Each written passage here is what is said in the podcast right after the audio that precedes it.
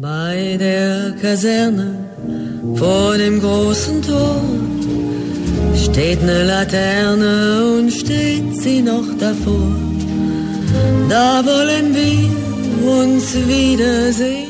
Ens cansaríem mai de sentir aquesta cançó de Lili Marlene i és que aquests dies al Círcul Maldà hi ha fantasmes, però no us espanteu, perquè també hi ha un caçador de psicofonies, que és el que sempre hem volgut tenir a casa, sota de la pica, com a mínim, que us ajudarà a interpretar-los. És en Carles, o en K, que li hem de dir així, l'alter ego de l'actor Daphnis Baldús, en el monòleg Expedient K, i l'obra doncs, es podrà veure fins al 15 de febrer, se submergeix d'una manera molt divertida, justament en alguns dels textos més amargs de Franz Kafka, i de fet és un retorn, perquè l'any passat ja va ser uns dies al Círcul, però ara hi torna perquè ho va fer també i teníem tantes ganes de tornar-lo a veure que hi torna. El tenim al telèfon. Dafnis, bona nit. Hola, bona nit. Com estem?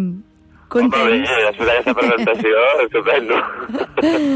L'obra, l'obra, com dèiem, és un retorn, és un primer monòleg que interpretes i amb un text que t'agrada especialment ja des de fa anys, Sí. i a més a més perquè fa por encarar-te sol allò davant de la gent i a més a més un Kafka, però vaja, tu, tu t'és igual tot això, no?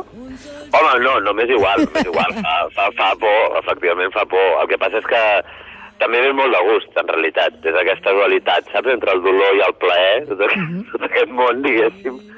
I la veritat és que estic molt content. Est- Estic molt content, ens estan prou bé i ens diuen coses molt maques, vull dir que, bueno, totes aquestes coses que ens agraden als actors, diguéssim. Home, i a les persones en general, eh? Nosaltres també ens agrada que ens també, diguin, també, que ens ho sí, sí. diguin que ho fem no, bé. Bueno, vull dir, com que tenim aquesta feina que poden dir coses maques o lletges, Exacte. diguéssim, després, després de fer-la, pues, bueno, Aquest Carles és un caçador de psicofonies, podríem dir que gairebé ens vol robar la feina, perquè és com un tècnic de so, pràcticament de la ràdio. sí, sí, és un tècnic de so, sí, sí, ell, ell de fet no pretenia ser caçador de psicofonies, ell era, dir, era tècnic de so, que ha anat a petar aquí, diguem-ne. Era culpa de la crisi, oi?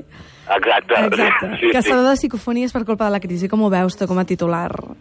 Bueno, però és bastant real, eh? Vull dir, perquè a més a més expliquen la funció. Ell ho diu, diu, jo vaig anar a una entrevista de feina per fer de tècnic de so i al final em vaig acabar enredant amb això perquè era el que hi havia, necessitava la feina, saps? Vull dir, que sí, sí, s'explica bastant així. I escolta, sí, sí. llavors com ho fan Daphnis per donar aquest sentit, justament de sentit de l'humor, quan la història és superbèstia? Estem parlant d'uns textos, a més a més l'expedient Cap, que és el nom amb el que es coneix la carta que Kafka va escriure al seu pare, que criticava la seva conducta envers ell, explicant-li doncs, que tenia una relació de poder claustrofòbica, sempre que havia constranyit a Kafka...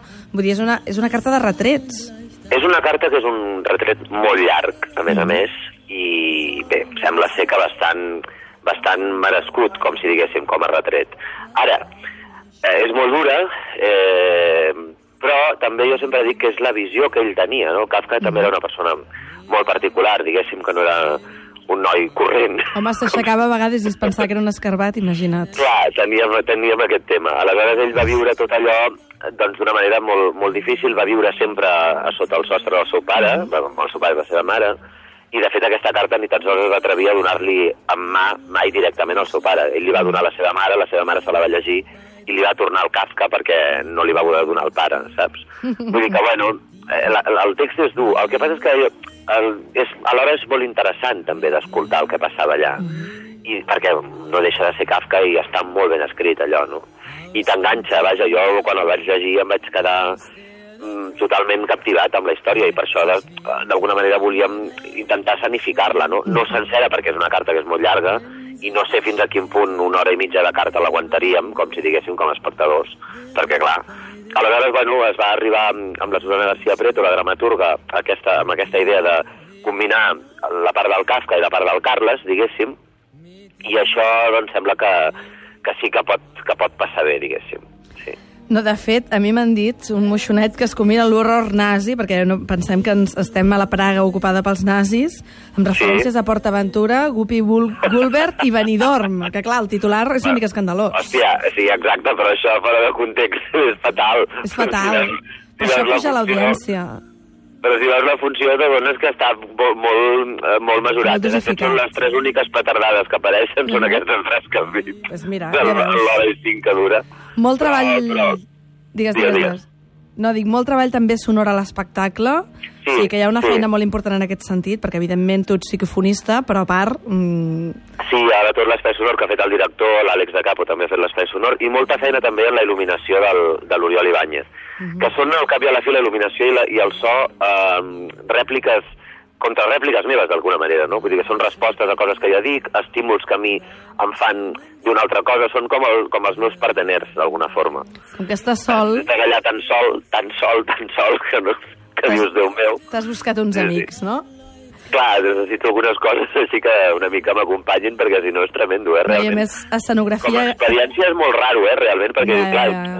No, eh, és molt estrany estar sol al camerino i no, anar a l'escenari i no trobar-te ningú, no? Vull dir... No, no, i a bueno, més, escenografia pràcticament inexistent, m'han dit. O Sí, sigui que és. Daphnis amb boles allà davant de tothom. Sí. Això també ho fem perquè malauradament- vingui molta gent a Malauradament veure. pels espectadors jo vaig vestit, sé que tenien moltes ganes de veure'm sé, despullat, em perquè es comenta, es comenta Sí, es molt comenta.